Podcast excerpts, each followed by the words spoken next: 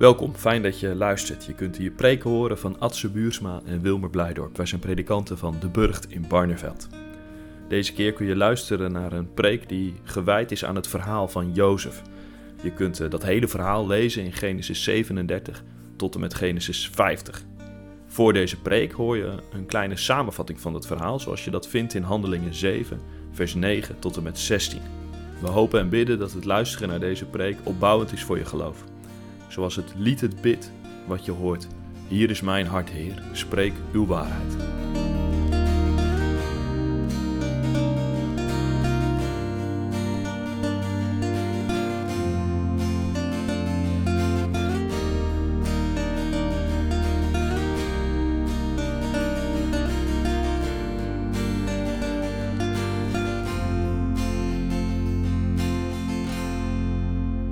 Omdat de stamvaders jaloers waren op Jozef, verkochten ze hem als slaaf aan de Egyptenaren. Maar God beschermde hem en redde hem uit alle nood door hem in de gunst te laten komen bij de farao, de koning van Egypte, die hem wegens zijn wijsheid belastte met de leiding over Egypte en over zijn hele hofhouding. Er brak echter een grote hongersnood uit in Egypte en Canaan die veel ellende veroorzaakte, zodat onze voorouders niet meer te eten hadden. Toen Jacob hoorde dat er graan was in Egypte, stuurde hij onze voorouders daar voor de eerste keer heen. Tijdens hun tweede bezoek onthulde Jozef aan zijn broers wie hij was, waarna zijn afkomst ook aan de farao bekend werd. Jozef liet zijn vader Jacob overkomen met zijn hele familie en 75 mensen. Jacob vertrok naar Egypte en stierf daar, evenals onze voorouders. Ze werden overgebracht naar Sichem en bijgezet in het graf dat Abraham van de zonen van Gamor uit Sichem had gekocht.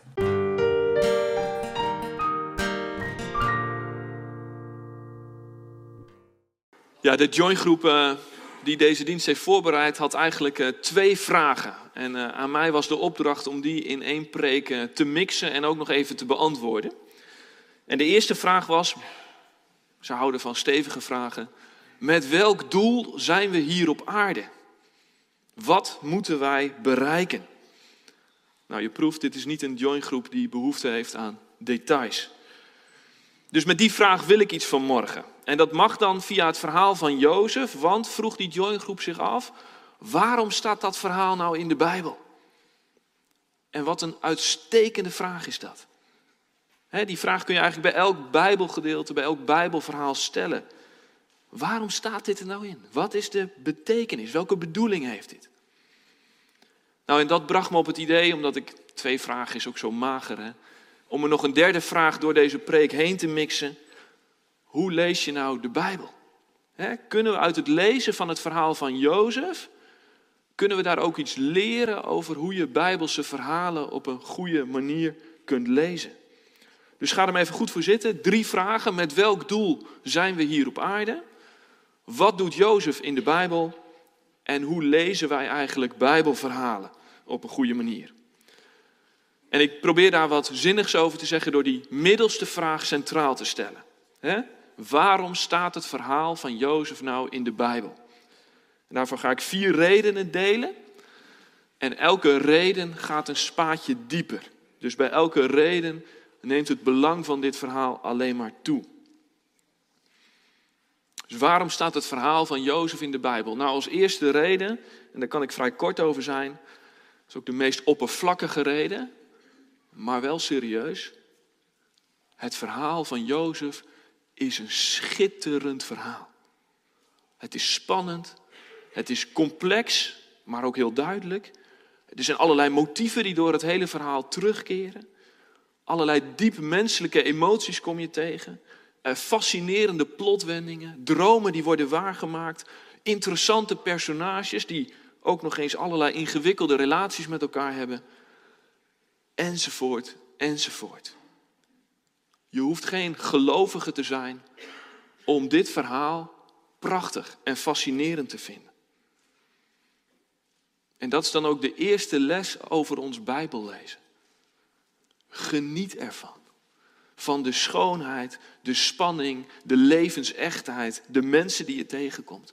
Laat die verhalen maar op je afkomen zoals ze er staan. Lees ze onbevangen.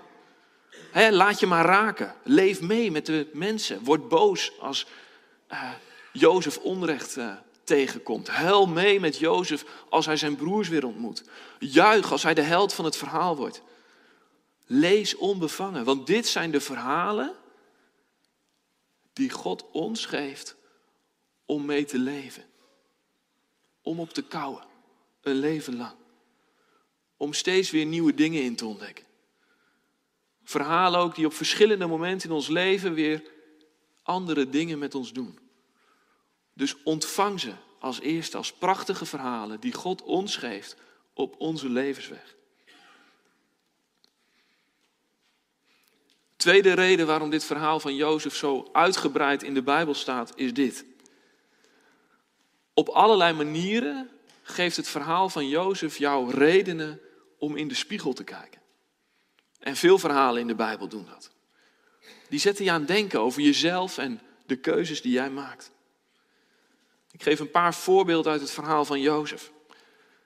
Neem bijvoorbeeld de rol van familie in je leven. Jozef komt uit een complex samengesteld gezin met meerdere moeders, veel broers. Uh, een vader die een dubieuze status als leugenaar heeft. En het gezin wordt gekenmerkt door een flinke portie jaloezie, voortrekkerij en allerlei andere giftige elementen in familierelaties. Je zou er een razend interessante familieopstelling van kunnen maken. Nou, zo'n familie die je tegenkomt, kan je ook laten nadenken over je eigen familieverhoudingen. Hoe is jouw band met je ouders? Wat heb je meegekregen? Hoe is je band met je broers en zussen? Voel je ook jaloezie? En waardoor komt dat dan? Of is er in jouw familie ook iemand die zich wat uh, verheven voelt boven de anderen? Hoeveel schade heb jij opgelopen in je gezin waar je uitkomt? Tussen de regels door proef je trouwens de kritiek. Hè? Hoe schadelijk is het als ouders kinderen voortrekken? Hoe kapotmakend is het als mannen meerdere vrouwen hebben? En wat is een web van leugens slecht voor geluk? Er is niemand die er vrolijk van wordt. Nou, en zo zitten er meer elementen in het verhaal van Jozef die ons helpen om stil te staan bij ons eigen leven. Hoe ga jij bijvoorbeeld om met onrecht wat je tegenkomt? Jozef heeft meerdere keren met groot onrecht te maken. Maar wat opvalt is dat hij steeds rustig blijft, bescheiden, integer. En dat hij in nieuwe situaties steeds weer de draad van zijn leven probeert op te pakken. Er het beste van probeert te maken. In huis bij Potifar als slaaf. Eh, later in de gevangenis. En nog weer later aan het hof van Farao. Nou, daar kun je aan spiegelen. Hoe ga jij om met tegenslag, met onrecht? Hoe ga je om met verleiding? Dat zit ook in het verhaal. De vrouw van Potifar probeert Jozef in bed te krijgen. Maar hij weerstaat die verleiding. Een voorbeeld, ook voor ons, in allerlei situaties van seksuele en andere verleidingen. En denk aan de hele rol die, die Jozef speelt als wijze politicus. Beleid voor een land uitzetten. Hoe doe je dat? Als er volle, vette jaren zijn en magere jaren. Het verhaal van Jozef en veel verhalen in de Bijbel zijn spiegels om naar onszelf te kijken. Ze zijn onthullend, ze geven wijsheid, ze zetten aan het denken. En dat is ook een reden waarom ze in de Bijbel staat. En dus ook een tweede manier waarop je Bijbel kunt lezen. Spiegel je maar in de verhalen, daarvan kun je groeien als mens. We gaan nog iets dieper om het belang van dit verhaal te peilen. De derde reden waarom dit verhaal in de Bijbel staat, is volgens mij dit. Omdat het een onmisbaar onderdeel is in de geschiedenis die God met Israël schrijft. Jozefs verhaal is niet een los verhaal in de Bijbel. Nee, zoals ik net ook al zei, Jozef komt uit een familie. En zijn overgrootopa was Abraham. En die Abraham kreeg allerlei beloften te horen op het moment dat God tot hem sprak. Kun je nalezen in Genesis 12 en verder. God zei bijvoorbeeld: Jij krijgt land. Jij en jouw nakomelingen. Hij zei erbij: Ik zal je tot een groot volk maken. En God zei tegen Abraham: Ik zal jou zegenen en je naam en veel aanzien geven. En je zult een bron van zegen zijn. Ja, zelfs dit was Gods belofte. In jou zullen alle volken op aarde gezegend worden. Dus die hele geschiedenis van Abraham en de kinderen van Abraham gaat draaien om deze beloften. De belofte van land, de belofte van een volk te zullen zijn en de belofte van zegen en een bron van zegen zijn. En kijk dan eens naar het verhaal van Jozef. Hier zijn ze, de nakomelingen van Abraham. Genoeg zonen om een groot volk geboren te laten worden. Maar wat gebeurt er? Ze liggen met elkaar overhoop. De kinderen van de belofte. Ze zijn jaloers en gooien elkaar in de put. Het volk van Abraham wordt al uit elkaar gescheurd voordat het goed en wel een volk is. Proef je de spanning? Het beloofde volk dat tot zegen moet zijn, ze dreigen nu al uit elkaar te vallen. Maar het gebeurt uiteindelijk niet. Ze vallen elkaar na jaren weer huilend in de armen. Gods volk, Abrahams kinderen, niet al in de vierde generatie uit elkaar geslagen, maar door God bij elkaar gehouden. Ondanks de jaloezie, de voortrekkerij, de leugens, de haat en de nijd. Ja, sterker nog, in Jozefs optreden in Egypte zie je dat Gods belofte werkelijkheid wordt. Hij is een bron van zegen voor alle Egyptenaren en voor alle volken in de omgeving die te lijden hebben onder de hongersnood. Door Jozefs wijze optreden worden al die volken gezegend met brood op de plank. Zoals God beloofd had, door jou zullen alle volken gezegend worden. Zegenen. Er is een moment in het verhaal van Jozef dat de oude vader, Jacob, bij de farao komt. Dat kun je lezen in Genesis 47, vers 7 tot en met 10. En weet je wat hij doet, die Jacob, als hij bij Farao is? Tot twee keer toe zegent hij de farao. Precies zoals God het in gedachten heeft. Dit is waar de geschiedenis op uit moet lopen. Dat het nageslacht van Abraham de wereld zegent. En in het verhaal van Jozef proef je daar al iets van. dus dit verhaal is veel meer dan een mooi verhaal over iemand die het noodlot overwint en hoog in aanzien komt te staan. Het verhaal van Jozef vertelt die belofte die God gedaan heeft. Daar blijft hij trouw aan. Hij zal zegenen. Maar die belofte van land dan? Ze zijn nu toch weg uit Canaan? Dat is zeker zo. Daarom is het einde van het verhaal ook zo boeiend. En dat zit ook in die samenvatting van Stevenus die we gelezen hebben. Want het wordt duidelijk dat die belofte van God leidend blijft. Als Jacob sterft, in hoofdstuk 49, dan geeft hij vlak daarvoor zijn zonen de opdracht: begraaf mij bij Abraham en bij Isaac. Begraaf me op de grot, op de akker in de Machpela. Begraaf me in het beloofde land. En een hoofdstuk later, helemaal aan het eind van Genesis, sterft Jozef. En ook hij zegt vlak voor zijn sterven: Zweer mij dat jullie mijn lichaam zullen meenemen naar het land dat God onder Ede beloofd heeft aan Abraham, Isaac en Jacob. Dus waarom staat dit verhaal in de Bijbel? Omdat het onderdeel is van een veel langer en grote verhaal.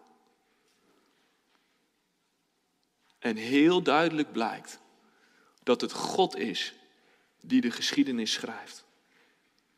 God leidt Jozef. Het is een spannend verhaal met allemaal intrigerende karakters en personages, boeiende ontwikkelingen, mensen die van alles doen wat hen op dat moment goed lijkt. Maar als je aan het eind komt, dan blijkt dat er één iemand precies weet wat hij aan het doen is. God zelf. En dat is ook de conclusie van het verhaal van Jozef. Als zijn vader Jacob overleden is, dan zijn zijn broers bang dat, Jacob, of dat Jozef alsnog wraak gaat nemen. Maar dit is wat Jozef zegt, Genesis 50, vers 20. Jullie hadden kwaad tegen mij in de zin, maar God heeft dat ten goede gekeerd om te bewerken wat er nu gebeurt, dat een groot volk in leven blijft. God keert het kwade ten goede. God zorgt voor zijn volk. Daarom staat dit verhaal in de Bijbel. Als een onmisbaar onderdeel van de geschiedenis die God schrijft. En dat is ook een aanwijzing voor hoe wij de Bijbel kunnen lezen. Lees verhalen niet alleen als losse, mooie verhalen. Maar vraag je steeds weer af, wat gebeurt hier nou in de geschiedenis die God aan het schrijven is? Waar zie ik Gods trouw aan zijn belofte? Hoe gaat de geschiedenis van God met de wereld hier verder? Ja, en dat gaat ook over die grote vraag. Waarom ben ik op aarde? Wat moet ik hier bereiken? In de achtbanen en kronkels en afslagen die onze levensverhalen kunnen nemen, mag je dit weten. Je leeft in een groter verhaal. God weet precies wat Hij aan het doen is. Hij schrijft de geschiedenis. God is iets aan het bereiken. En dat is waarom wij op aarde zijn. Om deel te zijn van die geschiedenis. En als je daar middenin zit en je leven voelt als een achtbaan, dan weet je echt niet precies hoe en wat en waarom. Jozef had dat ook echt niet door in die put en in Egypte bij Potifar. Achteraf kon hij er iets van aanwijzen. Maar dit was wat hij deed in de achtbaan van zijn leven. Hij bleef trouw aan God. Hij leefde in verbinding met Hem. En de rest is schitterende geschiedenis. Wij leven in een tijd van zelfontplooiing, dat je iets moet bereiken, je moet iets van je leven maken. Vind je bestemming en je geluk, bereik je doelen, vink je bucketlistjes af. Maar leef je ook in het besef dat jouw leven onderdeel is van iets veel groters. Van een mooiere, langere, betere geschiedenis die jij niet kunt regelen. Leef je met het besef dat God iets wil bereiken met jouw leven. En leef je daarom in verbinding met God, zoals Jozef. Ook als je niet precies ziet hoe zijn weg met jou gaat. Laat het verhaal van Jozef je vullen met hoop. God schrijft geschiedenis met jou en mijn leven. Ik kom bij de laatste reden waarom het verhaal van Jozef zo uitgebreid in de Bijbel staat. Want stiekem krijg je in dit verhaal over een slaaf die koning wordt al een blik op Jezus. Op de Messias die het verbond, de geschiedenis zal vervullen. En dat is vaak zo als je de Bijbel leest. Op allerlei manieren fluisterende verhalen in de Bijbel. Steeds die ene naam. Jezus Christus. Dus hoe lees je de Bijbel? Ga op zoek naar Jezus in de verhalen, in de teksten. Hoe zie je Jezus dan in het verhaal van Jozef? Nou, kijk maar hoe Jozef die hoge positie bereikt. Door diep te vallen, door verbannen te worden, door in de put geworpen te worden en later in de gevangenis. Jozef wordt koning via de weg van het lijden. net als Jezus. En net als Jezus wordt Jozef vals beschuldigd. Hij heeft niks misdaan bij zijn broers, hij heeft niks misdaan in het huis van Potifar. Maar toch wordt hij verworpen.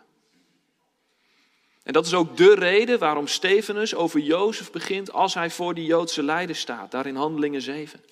Hij klaagt dan de Joodse leiders aan. Jullie zijn net als je voorouders. Jullie verwerpen jullie broer. Jullie verwerpen hem die door God is uitgekozen. Jullie willen niet voor hem buigen. Vandaag is de eerste zondag van de Leiderstijd. De komende weken staat de kerk wereldwijd hierbij stil. Dat dit de route is van Jezus koningschap. Verworpen worden door zijn broers. Gekruisigd worden. Lijden. Dat is steeds weer de weg die God neemt naar een betere toekomst. Zie Jozef, zie Jezus. Via de vernedering komt de redding en de verhoging. Via de dood wint het leven. Ja, het leven wint. Op het moment dat Jezus sterft op Golgotha, is er een eh, Romeinse hoofdman, een heiden, een centurio, die stamelt, werkelijk, deze mens was Gods zoon.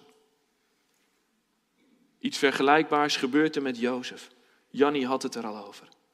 Ook daar is het een heiden die erkent dat er iets bijzonders aan de hand is. Als Jozef de dromen van de farao heeft uitgelegd en zijn plan heeft gegeven voor hoe ze daarmee om moeten gaan, dan zegt de farao dit. Genesis 41, vers 38.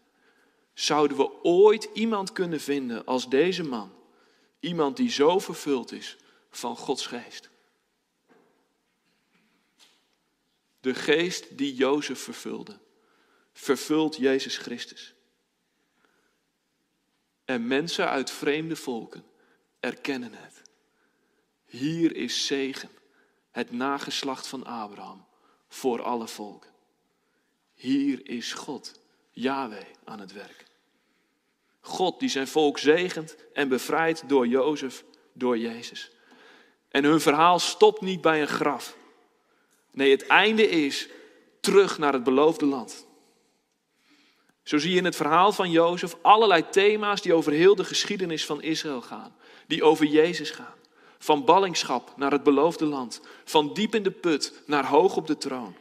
Van geruzie, jaloezie, haat, nijd, verwerping. Naar tranen, vergeving, omhelzing en liefde. Dus waarom staat dit verhaal in de Bijbel? Omdat het ons van alles vertelt over wie God is en hoe zijn Messias koning zal zijn. En daarmee zit er ook een opdracht in. Wat heb jij te doen in je leven? Wat moet je bereiken? Waarom ben je hier? Dit moeten wij bereiken. Tast niet omhoog. Buig. Buig voor je broer, voor Jezus Christus, de verworpene die ons redt. Hij, de geliefde zoon van de Vader, in wie God oneindige vreugde vindt. Hij, gekleed in de mooiste, onvergankelijke kleding. Hij die jou lief heeft. Buig voor Hem, omhels Hem. Leef voor Jezus. Dat is wat je te doen hebt hier op aarde. Dan bereik je nog veel meer dan Jozef ooit had kunnen dromen. Amen.